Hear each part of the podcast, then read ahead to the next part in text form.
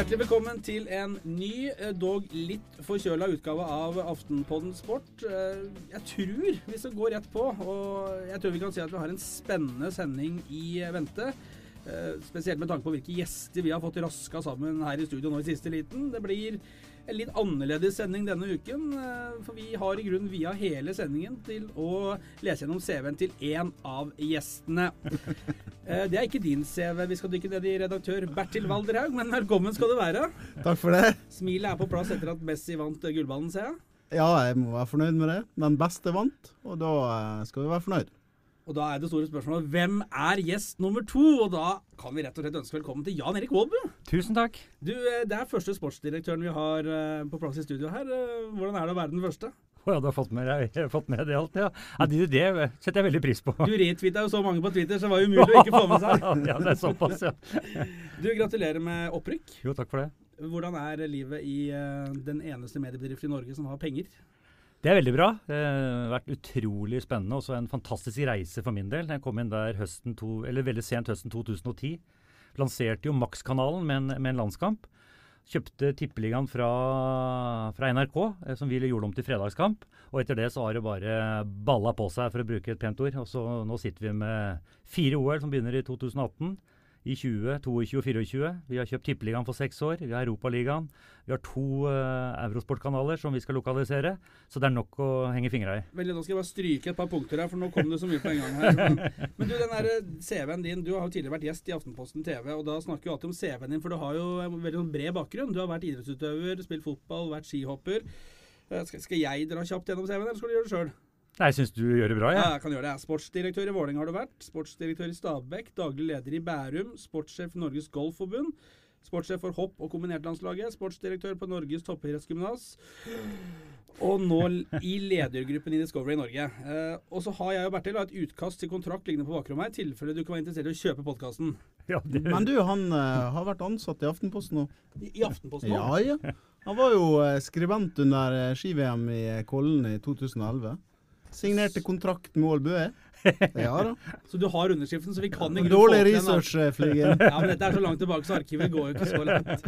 Nei, det er 2011. Det er jo Etter, Ja, for- etter mine dårlige regnskapskunnskaper fem år, ikke det? jo, for det som kom her, nå har jeg i hvert fall hatt den samme jobben i fem år. Jeg setter pers hver dag som går nå. Ja, det er bra. Så det, er- det er ikke dårlig. Det er nesten som oss i Aftenposten Sport. Da. Ja. Men du, eh, hvordan har det blitt tatt imot da, på det norske markedet når dere kommer og splæsjer casha, som det heter? Eh, nei, det vil si at vi har tatt imot veldig godt. Det, det store oppkjøpet vi gjorde var ja, Tippeligaen først. Det hadde vi bare i to år. Eh, dessverre så kjøpte jo TV 2 det sammen med da Seymour. Seymour kuppa jo det i sin tid. Eh, så kjøpte vi European Qualifiers, altså landskampene, etter at TV 2 hatt dem, og NRK tidligere. Det følte vi var et utrolig stor, stor satsingsområde for oss. og sånn Det føltes litt å hoppe etter, eh, etter Wirkola. Så er det sånn at Når TV 2 har gjort en så god jobb, så nytter det ikke å kjøre Lada når de har kjøpt Mercedes. Vi la veldig mye penger inn i produksjonen vår. Eh, og jeg vil påstå nå, etter den første kvaliken vært igjennom, eh, så vil jeg si at ingen savner Wirkola nå. Eh, vi, vi hørte veldig mye skeptisk til å begynne med. Nå ser jeg ingenting lenger. For jeg tror jeg har vist at vi har gode sendinger. Bertil, vi, vi kan ikke skylde på Aalbu og co. for at Norge ikke gikk til EM. Nei, de gjorde sitt beste, og jeg syns sendingene deres er bra. Så uh, det er litt sånn som uh, han, Jan Erik er Espen Askeladd uh, som har kommet og tatt prinsessa og halve kongeriket. Og, og eh, det må jo være en drømmejobb å sitte der og få rettigheter servert i fanget omtrent hver uke. Altså, Hvor mange ansatte var dere da du begynte der? Nei, det, vi, hadde en god del på Tippeligaen, men når vi mista den, så var det, det var det meg. Og så hadde jeg en halv jente, en halv dame. Hun var hel, men hun jobba en halv til et annet sted. Det var det vi hadde. Og nå vokser vi jo hver eneste dag, så vi kommer jo til å bli Nå har vi 100 frilansere også, bare på, på Eurosport-kanalene. Og vi kommer til å vokse i takt med de rettighetene vi har kjøpt. Så det er veldig veldig spennende. Så det er, eh, det er en drøm. Og jeg jobba jo for NRK i sin tid og, og kommenterte sammen med Arne Skeie. Da så liksom opp til NRK og syntes de var så fantastiske at noen fortalte meg at jeg kom til å sitte som ja, sportsdirektør, som jeg har blitt så heldig å bli kalt nå. Jeg er ikke så veldig opptatt av den tittelen, jeg er bra med sportssjef òg. Eh, fortalt meg 95-96 at jeg kom til å sitte i den posisjonen jeg gjør nå. Da hadde jeg lurt på om de gikk på alvorlige, sterke saker, for å si det mildt. Men vil du bytte? Vil du sitte som ekspert i eh, NRK, eller vil du ha den jobben du har? Nei, akkurat nå er det helt klart jeg ville hatt Jeg hadde en liten drøm en gang om å kanskje En liten våt drøm. At når Arne Skeie var ferdig, så at jeg skulle bli hovedkommentatoren på hopp hos NRK. Men eh, de siste fem årene har det jo bare vært en stor eh, ja, opptur for min del. Jeg var eh, skal si at det er jo flaks.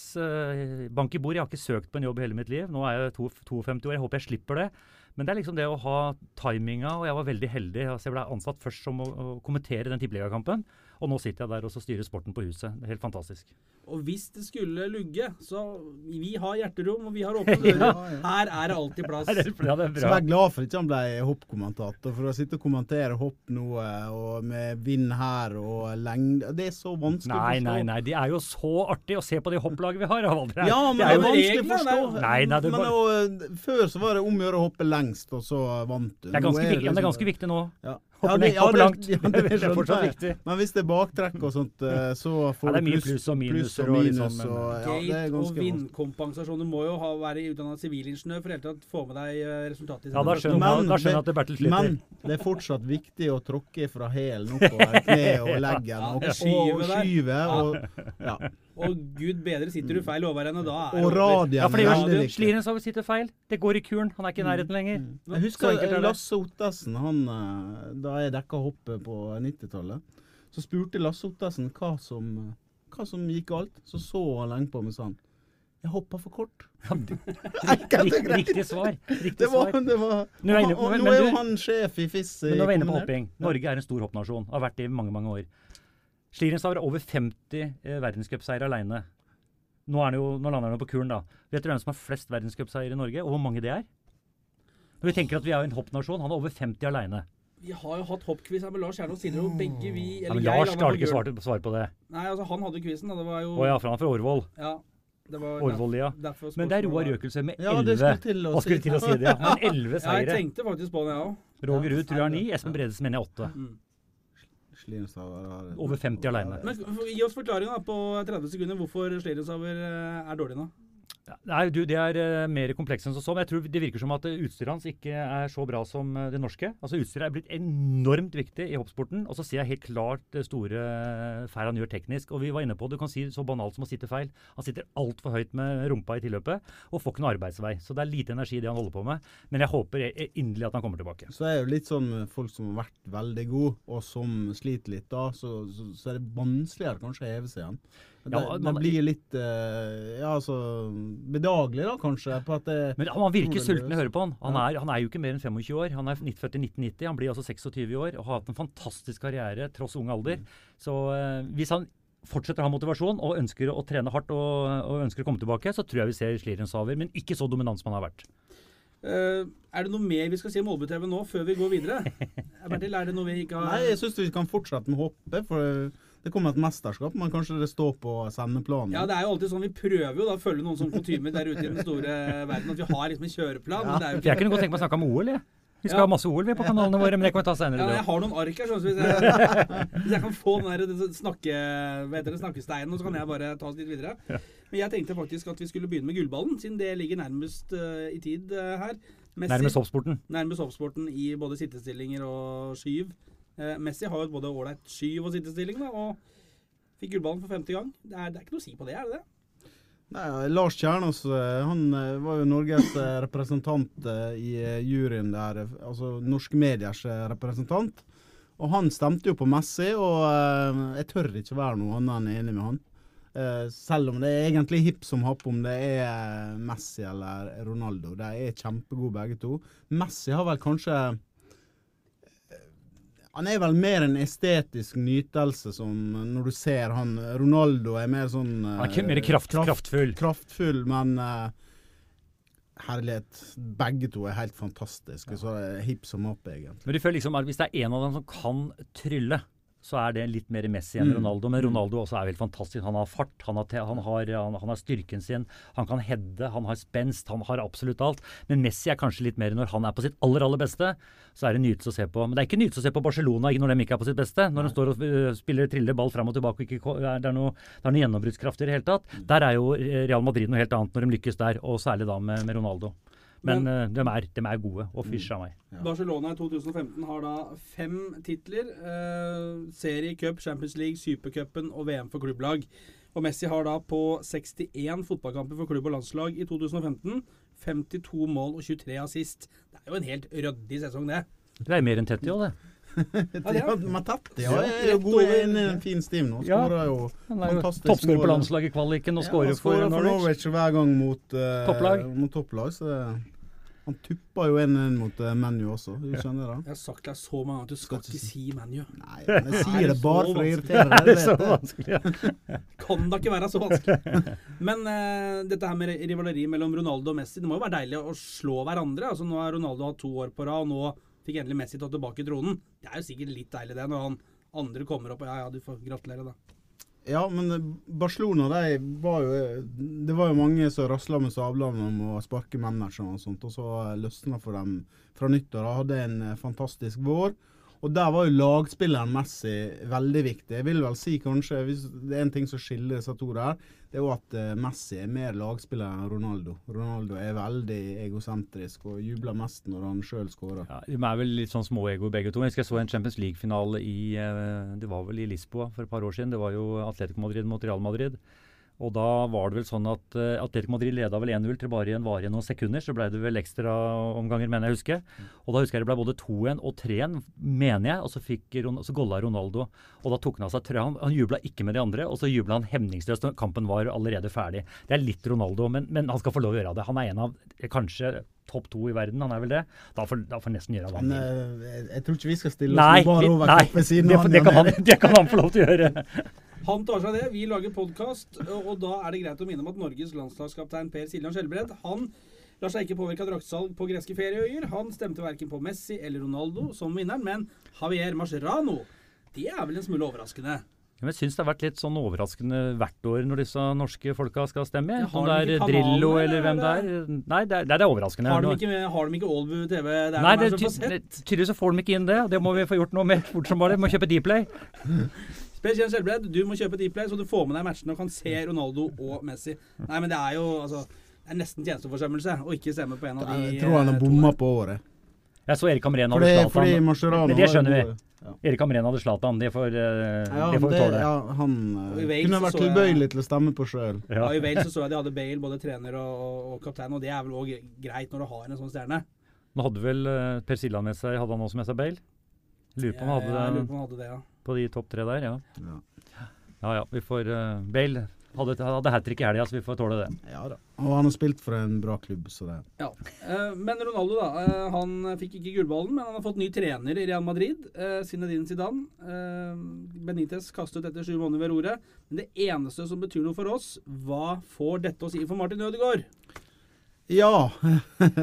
jeg, tror ikke det vil ha så mye å si for han, for han har ikke blitt brukt veldig mye av Zidane på Castilla. Så eh, jeg, jeg blir overraska hvis at dette her eh, åpner alle dører for Martin Ødegaard. Jeg, jeg tviler jeg veldig på. Ja, Det blir spennende å se. i hvert fall. Det er ikke noe tvil om at Martin Ødegaard er jo et fantastisk talent som vi er veldig opptatt av, selvfølgelig. Men klart at det er så mange av dem ute i den store verden, og, og i Spania er det veldig veldig mange av dem. Men som Bertil er inne på her, når det ikke blir brukt så mye som vi kanskje hadde håpa man hadde blitt i Castilla, hvorfor skal han bli, plutselig bli brukt mye på A-laget, liksom? Så det, men det er bare én ting å gjøre for han. Han må stå på hver dag og vise seg fram. Så får han muligheten etter hvert. Så er jo ikke noe søndagsskole for Sinan Zidane å bli eh, manager for Real Madrid eh, A-lag. Der er det mange superstjerner, og han blir målt på resultat fra dag én. Og da kommer han til å velge trygt. Og, Han valgte, fem, han valgte, valgte 5-0 da, på dag én. Ja da. Men Det er ålreit å starte med det, da. Ja. Men det, Det var jo i hvert fall sånn når vi spilte fotball da vi var små, da, at hvis det var faren til han andre som skulle da trene oss i et par matcher, så var jo han straks nærmere sjueren. For det var jo hvor liten vann den gangen. Men det er jo ikke sånn også i den store verden, er det det dere sier? Nei, jeg, jeg tviler på det. Men jeg håper jo selvfølgelig at han får spille veldig mye, og at han blir stjerne i Real Madrid. Men uh, det har ikke gått så bra det første året som vi hadde trodd det skulle bli. Eller i hvert fall håpet det skulle Han Man tar jo et enormt steg, da. Er bort fra Drammen, trygge, fine omgivelser med hele familien. Selv om pappa har vært med der nede, og, og kanskje mamma, for alt jeg veit. Så er det et stort sprang. og han, han trener jo med verdensstjerner hele tiden. Og klart at det vil svinge også for en unggutt som, eh, som Martin Ødegaard. Man må bare være, må investere i, i, i trening og være tålmodig. Tida hans, den vil komme. Men det som er fordelen med den, da. Hadde du dratt til England og ikke lykkes, så har vi sett flere eksempler på det. Da kommer du hjem, og så kommer du aldri tilbake til øya. Men når du blir henta til Barcelona eller Real Madrid og mislykkes der, da står nesten alle de andre klubbene rundt omkring i verden står klare til å ta deg imot igjen. Så det er i hvert fall åpningen hans, hvis ikke du skal gå bra i Real Madrid. Ja ja. Han er, har mange år på seg, så Jeg har et annet, eh, jeg har et annet fotballspørsmål også, før vi vender tilbake til vinterens verden. eh, Og det er Kommer Norge til å ta seg til fotballmesterskap med Terje Svendsen som ny fotballpresident? Han skal jo ikke spille, skal han det? Nei, Nei, det Ja, hvem vet? Ja, Det er jeg ganske sikker på, Bertil. Ja, ja eh, jeg syns det var spennende valg av kandidat som president. Fordi det har jo kokt veldig mye topp, på toppene i, i norsk fotball nå, med både Yngve Hallén og Kjetil Siem. og Du kjenner jo kanskje litt bedre til dem i og med at du har drevet forhandla med dem, men eh, det var jo mye kok med den Seymour-avtalen i sin tid med Yngve Hallén. og Eh, Så tror jeg den bakgrunnen Svendsen har fra Rosenborg og eh, fra toppfotballen, vil nok være viktig for han. Samtidig så får han eh, Eller det er jo ikke sikkert at han blir valgt, da. Men han er jo innstilt, og den som er innstilt, han blir som oftest valgt. Men eh, gruppa som eh, da resten av styret som er innstilt, det, det ser spennende ut. Det, det er mange med forskjellige kvaliteter. Så, Men hvor ble det av mannen til Sissel Kyrkjebø? Var ikke han innstilt òg, eller var, var eh, mannen til Kjetil Siem? Eh, Ravnås? Er ikke det, er ikke det en stund siden? Nå tenker jeg først på Erik Skåla. Det er- det er en stund siden. Det er en stund Ja, Ravnos ble jo nevnt her i avisen for jeg tror det var bare en uke eller to siden. For det sto at eh, klubbene eller Fotball-Norge var redd for at Kjetil Siem skulle få for stor makt. Og da var han eh, kandidaten til Kjetil sto det der, da. Men om det er sant eller ikke, det er jo det, Dere vet jo mer om det var media som skrev det. Eller kanskje Aftenposten, for alt jeg husker. Ingen kommentar. Nei. Nei, men det er greit. Da overlater vi til uh, fotballtinget i slutten av februar å avgjøre dette her. Men det er altså innstillingen uh, som valgkomiteen kom med. Eh, skal vi rett og slett få litt snø under beina igjen, Olben? For det, det er jo, ligger jo ditt nær, hjerte nært, dette her med, med snø og vinteridrett. Jeg kjenner temperaturen her inne, så det er greit å snakke litt snø nå. Du, eh, jeg bare har ett spørsmål nå, som Tour de Ski er slutt. Hva skal vi bruke formiddagene på nå, når vi ikke kan se på TV? Da kan du bruke og se mye på Eurosport-kanalene, for der er det sport fra tidlig om morgenen til seint på kvelden. Så det er bare å velge å vrake. Nå snart begynner tennisen fra Australia òg.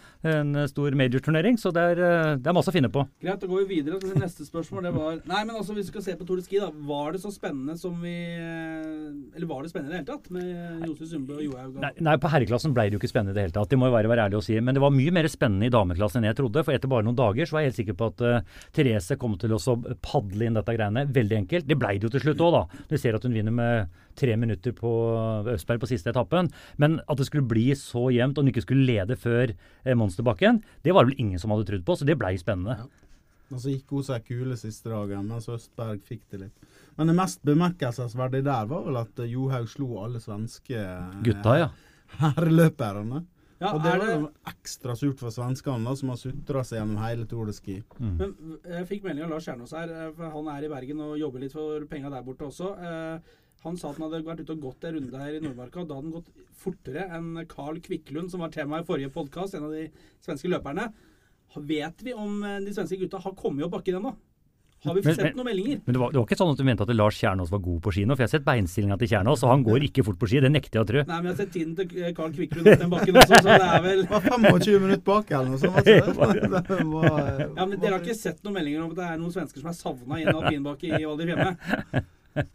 Nei, eh, de, men lysa ble vel slukt, og det var fyrverkeri og alt mulig til seint på kvelden. Så eh, Hvis noen ser Carl Kvikklund eller noen i svensk trikot, så ta kontakt med Bertil Valderhaug på Twitter, for han som har flest følgere av oss. Av meg og han, i hvert fall. Jan Erik var helt sikker på det. Ja. Eh, Men eh, Northug, som jo feis rett til Syden etter å ha gått opp bakken, eh, var Vi fikk kanskje se litt mindre til han enn vi hadde trodd håpet på forhånd, sånn med tanke på tetstriden. Ja, helt sikkert. Han hadde, dette var tiende gang Northug har vært med. Han er den eneste løperen som har klart å fullføre oppbakken også ti ganger på rad. Det er jo, det er jo tøft i seg sjøl å bare komme opp der. Men det var nok en liten sånn personlig liten nedtur for at de kan hange med bedre enn det han gjorde, kanskje. Eh, Men nå er Northug en ordentlig luring når det kommer til mesterskap. Så er det jo det som er viktig for han. Det er jo ikke det i år.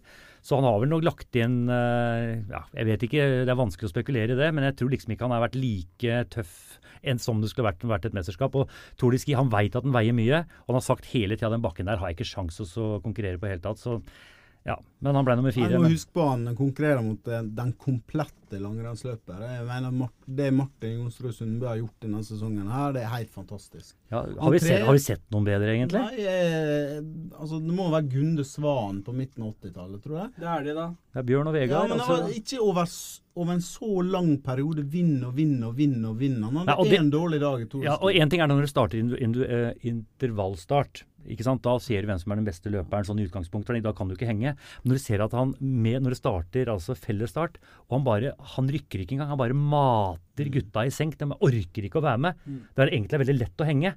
Det er det som imponerer meg aller mest. Han klarer å gå fra i tet, og de er ikke i nærheten. Det, Han bare maler dem av gårde. Og så, så trener han litt mer enn de andre. Da. Derfor syns jeg det er ekstra moro at det er han som er best òg. det er ingen som han, han, På disse fellesstartene så var det så mye kritikk mot dem fordi at uh, det ble bare en hel gjeng som kom mot mål, og så vant Northug til slutt. Uh, og Så skjedde noe i Val hjemme. Da uh, Johan Olsson på femmila stakk av gårde tidlig. Og han klarte å holde, holde differansen inn, og vant femmila. Og så Det Martin Jonsrud Sundbø gjør altså jeg, jeg tror det er mange som ikke har turt å våge å stole på seg sjøl til å kunne ta det steget i, eh, i eh, fellesstartene. Nei, og det er dumt når det er Petter Northug ja, bak i løypa at Han vinner til slutt. Ja, ja. Uh, Så spørsmålet nå da for Martin Jonsrud Sundberg Han vil aldri bli komplett før han blir verdensmester og olympisk mester. Det mangler han. Han var veldig uheldig i fjor vinter da han ble syk eh, før eh, Falun, og rakk så vidt å være med på femmila. Ble vel nummer fire på femmila, hvis jeg ikke husker helt feil. Rett oppunder, eller kanskje litt eh, lenger bak. Men hva for med. Ja, hva med. Hva med å prege den der også, selv om Ja, han kom rett fra sjukdom? For han, det var eneste han rakk, vel Ja, omtrent. ja. Så eh, Og så var han uheldig i OL i Sotsji, der han eh, Ja, han fikk tok vel sølv, var han fjerdeplass. det? Var han- ikke sølv der, da? ja, Millions of people have lost weight with personalized plans from Noom, like Evan, who can't stand salads and still lost 50 pounds. Salads, generally, for most people, are the easy button, right? For me, that wasn't an option. I never really was a salad guy. That's just not who I am. But Noom worked for me. Get your personalized plan today at Noom.com. Real Noom user compensated to provide their story. In four weeks, the typical Noom user can expect to lose one to two pounds per week. Individual results may vary. Say hello to a new era of mental health care. Cerebral is here to help you achieve your mental wellness goals with professional therapy and medication management support. 100% online.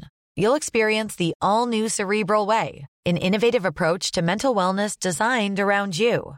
You'll get a personalized treatment plan from a therapist, prescriber, or both in a safe and judgment free space. Your cerebral therapist or prescriber will outline a customized plan with clear milestones along the way so you can get to feeling your best. With Cerebral, you're not alone in your mental health journey. We're here to empower you to live a fulfilling life. So take that first step towards a brighter future and sign up today at cerebral.com slash podcast and use code ACAST to get 15% off your first month. Offer only valid on monthly plans. Other exclusions may apply. Offer ends July 31st, 2024. See site for details. Jeg husker ikke. I hvert fall så fikk han Dette finner dere fjerdeplass på svaret på på internett, må vi bare si. Ja. På internett Men han vant i hvert fall ikke. nei. Det var noe sånn uh, greie med at han uh, skar en foran Vileksanen. på, uh, Mm. på tremila og sånn. Ja, han ble vel spist av noen russere på den avsluttende femmila der òg, hvis jeg ikke Ja, husker alle Ja, tre. ja. Det ble Ja, trippel. Det. Og Men, han er, men han er, nå er han en fantastisk skiløper, Ja. som du er inne på. Og han, og han behersker jo snart alle distansene. Nå er han jo til og med i finalen, vi snakker sprint. Og, og det går ett eller to år tilbake, så var det helt utenkelig. Det var nesten utenkelig at han klarte prologen. Så det er en gutt som virkelig har satt seg mål, og har vært målbevisst. Og er ekstremt flink til å, å terpe på de svakhetene han har hatt. Og så, så Det blir han fare på spennende å se da, om han klarer å holde koken resten av sesongen med Tour de eh, Canada. Og eh, ja, det skjer jo mye moro på langrennsfronten utover vinteren nå. Tror han hoster litt i dag òg. Han gjør nok, jeg pleier å hoste etter eh, alle rennene. lugger vel litt i brøstet sånn uti i neste uke òg, vel. Da begynner det å slippe. Ja, da. Um, fra Tour de Ski til hopping. Nå er det snart VM i skiflyvning, uh, Olbu. Det gleder vi oss til. Ja, det gleder vi oss til. Altså, det er helt, det altså, skiflyvning det er noe veldig veldig spesielt. Og så er det ekstra moro nå når vi har et så godt uh, hopplag på gang. Og så må vi liksom skryte litt av dem, for det her så jeg ikke komme. Altså, Jacobsen og Bardal de ga seg i fjor. Eh, To av verdens beste skihoppere. Eh, Bardal var det over tid. Jacobsen kom jo tilbake. Vant jo Garmisch i fjor i nyttårshopprennet. Han var best i alle hoppa. Så kommer du til VM. Så er det Rune Velta fra Lommedalen som tar eh, fire medaljer. To gull, en sølv og en bronse. Han er helt borte. Og så kommer det Hæren flytter meg et helt nytt lag og tatt fem eller seks på seierspallen. Med he altså, Han de ene er- har jo ikke kne. Nei, han har ikke kne. Han har to, eh, to korsbåndoperasjoner, hatt fem inngrep. Og hadde du snakka med de som ikke er veldig hoppinteresserte, så tror jeg ikke noen med tan kanskje en Tande eller Hvem hadde hørt om Gangnes i fjor? Hvem hadde hørt om Hauger i fjor? Altså, det er, eh, nei, det er, det er utrolig gøy. Stjernen har vi hørt om, for han har vært på seiersballen før, i skiflygning i Vikersund. Men det det de gjør nå, og det Støkkel har fått til sammen med sitt team, ja, det er bare imponerende. Og nå er det altså da til helgen så er det VM i skiflyvning i østerrikske Kolm, og det er Gangnes, Daniel André Tande, Fannemel, Johan André, Johan André Forfang, Joakim Hauger og Andreas Stjernen som skal ned. Eh, Men kun fire får hoppe. kun fire får hoppe. Ja. Men Peter Preutz han virker eh, Han leder verdenscupen og vant toppuka. Er det mulig å tukte han når vi skal fly eh, 220-225? Det ser vanskelig ut, for han var også god i Vikersund i fjor. Han hadde jo verdensrekorden et lite øyeblikk før uh, Fannemel tok den tilbake, på 250, tror jeg. Ja, og Og første på Fannemel 250. Og han er, jo en, han er jo en fantastisk form, og det ser så stabilt og så bra ut. Men du gutta, hva er eh, bakkerekorden i Kolm? 237,5. Det er helt riktig. Er som har den? Severin Freud. Oi, oi, oi! Og jeg kontrer med quiz. Hvem var den første nordmannen som vant et hopprenn i Kolm? Oi. Oh, nå setter jeg meg litt tilbake. Ja, kan, du bare, kan, jeg, kan, jeg, kan, jeg, kan jeg spørre om eh, hvilken, eh, hvilket årstall vi er på? Nei, for da tar du det. Nei, jeg vil ha årstall. 1959 satte bakkerekord. 100 meter bak dagens rekord. 59. Kroken. Nei, jeg har ikke peiling. Torbjørn Yggeseth. Er det Torbjørn Yggeseth, ja? Men når jeg tenker på Kolm, så tenker jeg på Karlsson på taket. Nå er det Jeopardy her, altså. Ja, nei, det er ikke det. Karlsson på taket! Karlsson på taket. Karlsson på taket. Og så eh, Jan Erik Aalbu på taket i Off, Kolm. ja, det, nei, men Eh, vær på- snill, da. I, i skiflygningsVM i 96. Var det da- 96? Ja, Ja. Da, da var jeg der som som Aftenpostens utskremt. Og Men, den, kan, men kan vi ta det? høre hører Arne Skeie på dette her? Det vil, altså, hele nasjonen hører på her. Ja, ja, men, hvis, det er, jeg er ikke sikker på jeg kan ta den hvis Arne hører på, men det, det var ganske morsomt. Arne, Arne, er jo da, Arne er jo kommentator, jeg er jo eksperten hans. Og det er, eh, som eh, Bertil sier, det er Kolm, og det jeg tror det er skiflygings-VM òg. Ja, ja, Ja. Og så har vi inn, blitt innkvartert på et dårlig hotell, så vi velger å bytte.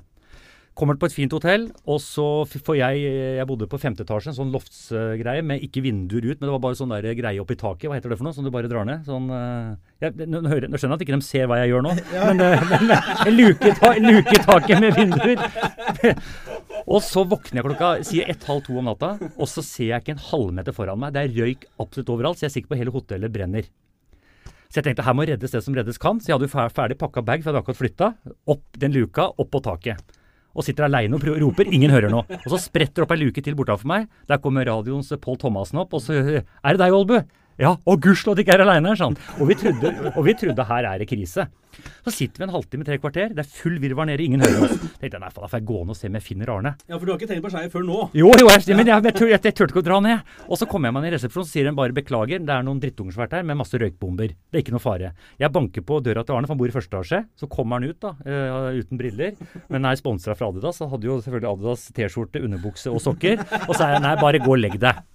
Dagen etter så er nordmenn hopper dårlig i det mesterskapet. Vi var veldig dårlige. Og så begynner Arne Følg med nå, sa han. Og så kommer denne her på lufta. Var fælt i natt, Olbu, sa han.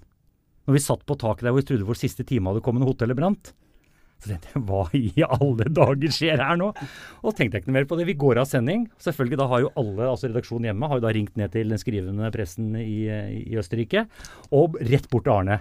Og hvem ble det tatt bilde av på det jævla taket? Det var Arne Skeie. Men det var jeg som satt der, altså! Så Arne Skei skrøt Ja, men, men den var veldig morsom. Det var litt, jeg, vekket den jo på natta, så han følte han var med på det. Nå sier jeg uh, skiflygnings-VM i Kolm. Det var fantastisk. Andy Goldberger vant. Han hadde slitt med å vinne, og vant det mesterskapet. Og jeg husker det, det var et hav av flasker der. Glyvann. Etterpå, når vi gikk, for vi satt og skrev inne på pressesenteret, gikk ut etterpå. Det var nesten umulig å gå på bakken. Ja, men det- for det var, det var Ja, men de har skjønt det. Altså, De skjønner hva du må servere fra publikum til stede. Altså, Vi har ikke skjønt det helt i Norge, men der er det boder, for å si det sånn. Men vi har også, den, den gangen når nordmenn gjorde det dårlig For Arne hadde nemlig fly hjem den kvelden, så vi også holdt med Goldberger. For alle publikum ble igjen. Så vi kunne satt oss i, i bilen og få kjørt ut av anlegget Ja. fort som bare det. Så vi også holdt med Goldberger. Han var Hvem god den gangen. kjempa han mot? I årstallet 1996. 96. I hvert fall ingen nordmann. Det husker Jeg jeg. tipper det er en langhåra Kan det være en langhåra sjekker, da? Nei, det var en sur, sur, sur finne. Alnen? Ja. Mm. Selvfølgelig. Hvem er han mannen jeg tenker på? Sakala. Og vi, nå er det ingen som ser hva vi gjør her i studio, men hva gjorde han alltid før han skulle hoppe? Han gjorde en spesiell håndbevegelse. En håndbevegelse? Nå gjør jeg den håndbevegelsen ingen ser, men det var en Å ja, så, ja, ja, ja. Man, ja, skal ha inn følelsen. Ha en følelse. Ja. Nå er det mye bilder for fjernsyn her, altså. Det er vanskelig for seerne. Lytterne. Uh, Men uh, uansett, vi, har, vi gleder oss til VM i skiflygning. Uh, og vi var inne på det. Anders Svanemel har verdens lengste skihopp på 251,5 meter. Det er vel sånn, sånn som fra Slottstrappa og langt ned på Karl Johan. Er det et stykke på ski, det? Ja, det, er, hvis, hvis, altså, de, det er mange som er på en fotballkamp. Hvis du sitter på midtbanen på Ullevål og ser på en fotballkamp, så er den 105 meter ca. lang. Da kan du legge på to sånne, og så nesten en, en halv en til. Da er du forbi i hvert fall Elkjøp eh, og videre bortover gata der. Det er veldig langt på ski. altså. Og når du ser det hoppet der, det er jo fantastisk å se på. Men det er bare å glede seg, for Fannberg kan eh, Nå gjør han ikke den bakken, da, for gjør han det, så må du bare grave den opp. Ja. For uh, hopper ikke over 251,5 der. Da står hans igjen, i. Ja, da, da blir det sånn uh, brannsegg. Da har Da, han planta leggebeina godt ja, ned i det får vi ikke håpe. Men at han kan vinne VM, uten tvil. Og vi har flere andre kandidater òg. Hvor langt hoppa du når du var aktiv? Jeg, jeg hoppa, men det, den gangen, jeg må si at med en gang jeg hoppa i, VM, i skiflyvning ikke VM, holdt jeg på å skryte meg VM her, det har jeg ikke gjort, men jeg, det var skiflyvning, og da mener jeg det lengste hoppet var 107-48 i Vikersund, og jeg hadde et hopp på 120, men jeg mente jeg, jeg har prøvd å skryte på 128, men fatter'n mener det er feil. Og sønnen min har 125, så jeg har fått beskjed om at det er 120. Åssen er den følelsen her. Men det er jo bra, det. Nei, ja, ja da, altså jeg var, jeg var ganske bra til eh, helt til Ludvig Seid sa at uh, Jan Erik du er for dick. Han mente jeg var for tjukk til å hoppe, så satt selv i fotball. ja. nei, så, nei, men det var, det er, når du hopper på ski og når du hopper bra, så er det veldig, det er Du har veldig en kraft, krafthopper, du. Ja, krafthopper. Men jeg har sett bildene av meg sjøl når jeg var, spilte i Vålerenga. Og da, jeg syns ikke jeg ser veldig dick ut da jeg da. Altså, så jeg var, jeg var en del tynnere enn jeg er nå, for å si det sånn. Men det skulle vel bare mangle. Mens det er gode tider for uh, hoppgutta, så sliter uh, dine gamle venner i kombinertsporten. For uh, de får jo rett og slett ikke konkurrere. Nei, det er rett og slett Det er, det er nitrist, og det er så viktig for den uh, grenen å være til stede der det, der det skjer. Og spesielt når det er samla med sånn som i Kosamo og på Lillehammer, hvor du har mer av pressekorpset samla. For kombinert og ikke få konkurrert nå, det er krise. For vi har et veldig godt kombinert lag, lag på gang. Eh, Vi har en, en Jarl Magnus Riiber som er kanskje største talentet vi noensinne har sett i kombinertsporten. Han er det bare å dyrke. Det kommer til å bli en kjempeprofil. For tredje gang i vinter så ble det i helga avlyst i Schonach, eh, og før det i Klingenthal, i tillegg til sesongåpningen i Iroka Kosamo, som du som var inne på. Og nå står også neste helsekonkurranser i Chaneuve i Frankrike i fare. Bertil, dette er jo en gammel paradegren for Norge. Hanka medaljer i OL og VM opp gjennom åra. Eh, hva skjer Ja, altså, hvis han ikke får konkurrere? Jeg ble jo proppa ørene full av Jan Erik da han var kombinertsjef om hvor, hvor viktig det var at vi skrev om dem. Fordi på den tida så hadde jo eh, Norge den suverent beste i verden, Bjarte Engen Vik. Og før det så var det Fred Børre Lundberg. Sånt. Det er jo paradegren. Og, og, og, eh, og man, det er noen som fleiper med å si at ja, men det, det er for dårlig til å gå langrenn, for dårlig til å hoppe, og derfor begynner jeg med den idretten der. Men, men, men altså det, det er kjempegode idrettsutøvere som klarer å kombinere to helt ulike idretter, og gjør det i løpet av ganske kort tid. Så jeg, jeg syns det er imponerende. Og, jeg, og, og, de var jo veldig gode under OL, så de har jo vært gode i flere år nå. Ja, Sotsji var jo Gråbakk fantastisk. De har et godt lag på gang. og det, Jeg synes jo sånn, klart nei, jeg har jobba med disse gutta her, men jeg vet hvor mye de legger ned i arbeid. Mm. Så jeg syns de får utrolig liten oppmerksomhet. Ja, og så Når du trener nesten 1000 timer i året, da, så får du ikke lov å konkurrere. Nei, nei, det er, det er, så synd, og det er så leit at Men klart at det, det er litt mindre ressurser på altså Hoppuka blir jo aldri avlyst. Om de kjører snø fra Kina eller Nord-Korea eller hvor det er, så blir det hoppukerenn. Men disse andre her, så er ikke ressursene så store. Så det er lettere å avlyse kombinert renn i forhold til publikum, medienes interesse, TV-avtaler osv. osv. Men veldig, veldig tynt. Det er en jævla fin gjeng. Utrolig fin gjeng. Det er en seriøs gjeng. Så får vi si som Fred Børre sa, da. Altså en hopper, han orker ikke gå på ski. Og en langrennsløper tør ikke å hoppe. De er kombinertløperen sånn. Så det er, eh, og, og det er som Bertil var inne på, det er så forskjellige måter å trene på. Det ene øyeblikket skal du løpe i myra og drive ut og trene i to-tre timer, andre skal det være eksplosivitet med skihopping. Så det er, eh, det er veldig vanskelig å finne balansen eh, som, en, som en god utøver eh, må finne for å være best. Bjarte var det, Fred Børre var det, og vi har hatt mange gode kombinertløpere. Altså Elden-gutta, Knut Ore Apland, Haldor Skar. Ja, det er så mange som var det. Men er det litt sånn for kombinertsporten nå at det er litt sånn make or break? For nå er det blitt, åpenbart blitt veldig lett å avlyse, eller lett å ikke gidde å ta den utgiften med å hente inn snø og heller si at da får vi ta det neste helg. Eh, hvis, og hvis det ikke er i media, ikke kommer nye penger inn, hva da med sporten? Ja, nei, Det er et, det er et faremoment. Eh, nå, jeg, nå har vi jo en norsk sjef. Eh, det er jo Lasse Ottesen som er direktøren i Kombinertsirkuset. Så jeg tror nok han har hatt en heftig mye møtevirksomhet nå i det siste. Og se hva de skal gjøre for å få dytta på flere renn utover sesongen. Men det er utrolig synd for, for kombinertsporten. For nå har det ligget helt dødt i lang, lang tid. I Lillehammer var jo øh, ble, Minnes jeg riktig hvis det bare ble ett renn på Lillehammer, men jeg husker ikke helt her nå i farten. Men det ble ikke noe i Kosam i hvert fall. Og så har de to, to renna i Ramsau. Så det er, det er, det er, nei, det er tynn suppe. Forferdelig for kombinertsporten. Det er jo dessverre sånn at money talks. Og da, da setter Man bruker ikke penger til det. Nei, men nå skal jeg ta en liten sånn eh, Lasse, og jeg, jeg, tror på Lasse når han sier det. Eh, det er FIS sin rapport i forhold til TV og hvem som sender live. Så syns jeg han sa i snitt i fjor så var det 15 nasjoner som sendte live hopping. 10 som sendte live kombinert. Og så lå det mellom 3 og 4 som sendte live langrenn.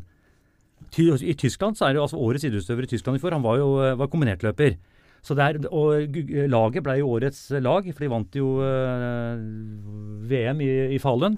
Så, så de har fått en helt annen status i Tyskland. Og Tyskland er, del, det er den nasjonen vi må bare heie på. Hadde jeg vært, hadde jeg vært langrennssjef, så hadde jeg håpa at Tyskland ble nummer to hver gang etter Norge. For det er en nasjon du må ha med deg. Mm. Og Jeg så dokumentaren med Petter Northug det året han slo gjennom. og Da var det jaggu meg fem tyskere som var best i en sånn uh, Duatlon, uh, skibytevariant. Ja. Ja, da var det Teichmann og ja, ja, ja, ja, alt det der, ja. Altså, og, og, nå er det var, var sju av de ti beste i Tour de Ski var fra Norge på herresida. Vi er jo selvfølgelig glad for at Norge er gode til å gå på ski, og det er jo derfor vi sitter og ser på. Vi vil helst at en nordmann skal vinne. Vi sitter jo til og med og ser en, en hel en million nordmenn sitter og ser en, en nordmann spille sjakk, eller mm. over en million nordmenn ser, ser på en um, en, en, som driver på med fekting, mm. som du ikke har noe forhold til. Så vi elsker jo at nordmenn gjør det bra, men eh, samtidig blir vi for suverene, så ødelegger det også eh, internasjonalt. Og jeg håper jo virkelig at eh, Tyskland kommer tilbake.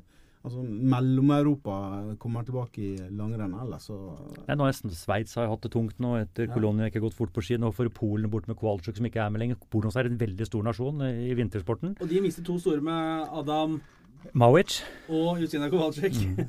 skulle, sette meg, skulle liksom sette meg plass på han nå. Nei, jeg skulle bare la deg si det. Har Lewandowski og da Ja, ikke sant? Ja, men han er vel helt middels på kuren. han er vel ikke noe, han er vel ikke stilhopperen Lewandowski. Nei, for lang han. Enn så lenge. ja. um, Jan Erik Aalby, du har jo snart like mange verv og hatter som Jan Åge Fjørtoft nå, men du er jaggu meg involvert i Idrettsgallaen nå? Det har du vært med en stund. Hva sammenlignet med Fjørtoft? Ja. Nei, men tenk på litt mer sånn være involvert. Ja, vært, ja Idrettsgallaen. Jeg har vært i juryen der siden 2002-2003. Eh, altså det, Mika Kojonkoski vant jo årets trenerpris etter at han har vært i Norge bare noen måneder. Jeg vet ikke om det hadde noe med meg å gjøre, jeg satt i juryen, men eh, jeg har vært der, har vært der siden. og det er eh, det er mye kritikk å få, selvfølgelig, men det er utrolig vanskelig å vurdere eh, grener, utøvere, opp mot hverandre. Hvor, hvor, god den ene prestasjonen er i forhold til en annen en. Eh, grenens egenart, popularitet osv. osv. Men vi, jeg, kan jeg kan bare si til folket vi sitter i mange timer og diskuterer og krangler og vurderer til vi kommer fram til uh, de løsningene som vi mener er det rette til slutt. Har det blitt noe... Var det greit å si det her nå? Ja, det, ja, det var fint. Det var diplomatisk og fint. Men ja. har det blitt noe helvete etter årets galla, Nei, jeg, jeg vil si at det var et uh, lite helvete i fjor, men det var mer før Idrettsgallaen, når vi ikke nominerte Kristoff. Han var faktisk ikke nominert til årets mannlige utøver.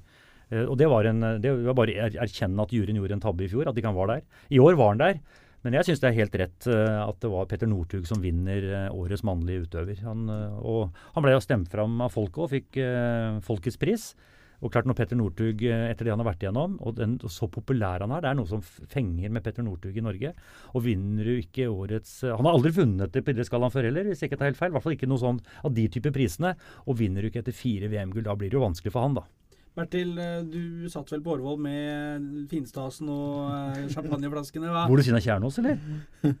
I nærheten, i hvert fall. Ja, jeg, jeg, jeg, jeg, har ikke sett han i skiløypa, men uh, jeg tror ikke han slår han svensken som driver og skryter av at han klarer å slå. Så. Men, frågan var uh, stua til Valdres. vet, vet hva, For meg så var øyeblikket på Idrettsgallaen, det var da han uh, 19-åringen fra Furuset han, han ble årets ildsjel, og, og det han sa det var så ektefølt, og det var Det rørte meg. Og han sa at idretten har gitt meg mye mer enn det jeg har gitt den.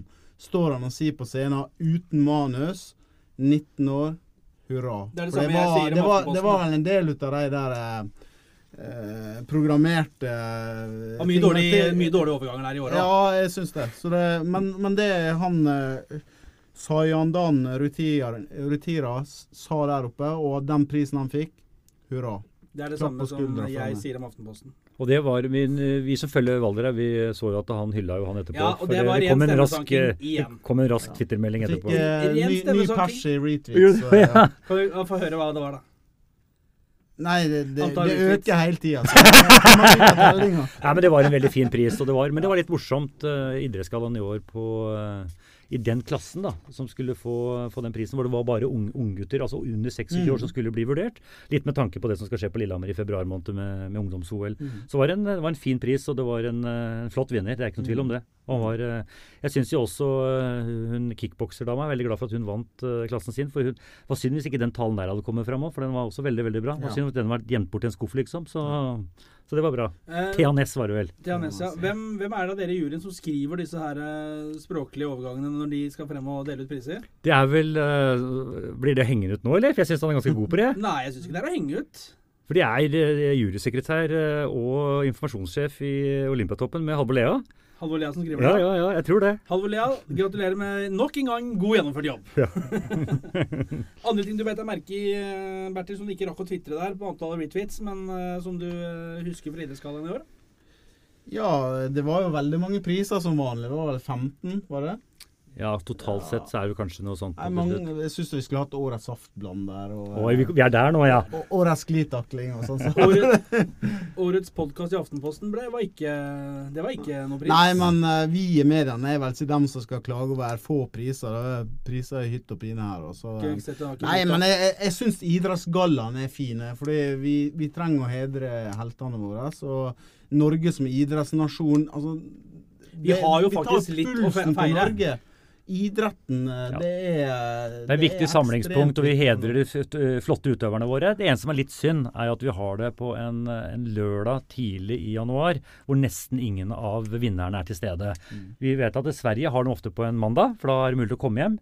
Og vi kjører den på lørdag, så det har kanskje vært noe å tenke på. For det har vært litt gøy å sett vinnerne litt oftere. Og jeg, det jeg savna der, det var jo liksom Skulle gjerne sett også et intervju med, med Støkkel, som er en fantastisk trener, en fantastisk type.